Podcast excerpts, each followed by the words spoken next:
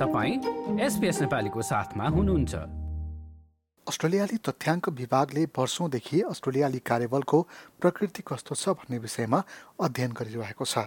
यसको पछिल्लो अध्ययनले चाहिँ व्यक्तिगत कर दाखिलाको प्रकृति र यसमा रहेका तथ्याङ्कहरूको अध्ययन गरे पश्चात अस्ट्रेलियाली रोजगार बजारको स्पष्ट तस्विर बाहिर ल्याइदिएको छ। अध्ययन रिपोर्टका अनुसार रोजगारी र आमदानीका हिसाबमा आप्रवासी कामदारहरू निकै पछाडि देखिएका छन्। उक्त प्रतिवेदन सन् दुई हजार उन्नाइस बिसको आर्थिक वर्षमा केन्द्रित भए तापनि कतिपयले चाहिँ आप्रवासी कामदारहरूको अवस्था अहिले पनि उस्तै रहेको बताउँछन्। रिपोर्टका अनुसार समग्रमा आप्रवासी कामदारको वार्षिक औसत आमदानी पैँतालिस हजार डलरभन्दा थोरै मात्र बढी छ।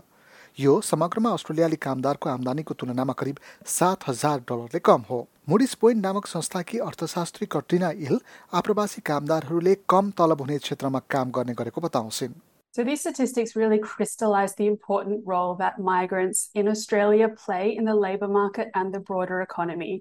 Their presence is felt across the major industries, uh, particularly in accommodation and food services, the important healthcare and administration services. And without their presence and contribution, the Australian economy wouldn't be the success that it is. गत मे महिनामा ग्राटन इन्स्टिच्युटले सार्वजनिक गरेको रिपोर्टले आतिथ्यथा व्यवसायहरू आप्रवासी त्यसमा पनि विद्यार्थीहरूको भरमा चलिरहेको देखाएको थियो तथ्याङ्क विभागको पछिल्लो रिपोर्टले अस्ट्रेलियाली कार्यबलमा आप्रवासी कामदारहरूको महत्वलाई झनै प्रश्न पारेको अर्थशास्त्र इल बताउँछिन् migrants have a disproportionate exposure in those industries that tend to be lower pay. So that's industries like healthcare, administration, social services, hospitality. And because of that um, outsized presence in those particular industries, that means that we're not seeing those uh, relative wage gains compared to the broader Australian population. तर कामदारका पक्षमा बोल्ने अन्य आवाजहरू भने केही आशावादी सुनिन्छन् the migration institute of Australia नामक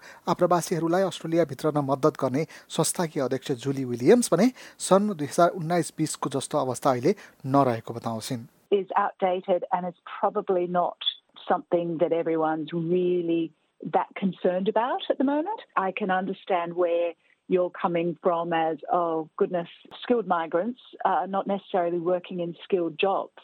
But at the moment, with unemployment at the lowest it's been for many, many years. Employers are embracing temporary overseas workers. Williams COVID-19 पछि अवस्था परिवर्तन आइसकेको बताउँछिन्. The pandemic it's uh, you know changed uh, changed everything. I think there were statistics out that um, between 2019 and 2021, uh, we lost I think 416,000 people. And therefore, all of a sudden, we haven't got enough people. There's not enough people who are unemployed. अस्ट्रेलियाली तथ्याङ्क विभागको report अनुसार अस्ट्रेलियाको कुल जनसङ्ख्याको तीस प्रतिशत ओगट्ने आप्रवासी कामदारले अस्ट्रेलियाका छब्बिस प्रतिशत रोजगारलाई धानेका छन् तीमध्ये आधाले अस्ट्रेलियाको स्थायी भिजा लिएका छन् भने आधा अस्थायी भिजामै छन्। अस्ट्रेलियन माइग्रेसन इन्स्टिच्युटकी जुली विलियम्स सङ्घीय सरकारको स्थायी भिजाहरूलाई बढाउने निर्णयले पनि अब जब मार्केटमा परिवर्तन आउने आशा राख्छन्। रिपोर्टले सबैभन्दा बढी कमाउने आप्रवासीहरू अस्ट्रेलियन क्यापिटल टेरिटरीमा बस्ने र कम कमाउने आप्रवासीहरू चाहिँ ताजमिनियामा बस्ने पनि देखाएको छ। लाइक र कमेन्ट गर्नुहोस्। नेपालीलाई फेसबुकमा साथ दिनुहोस्।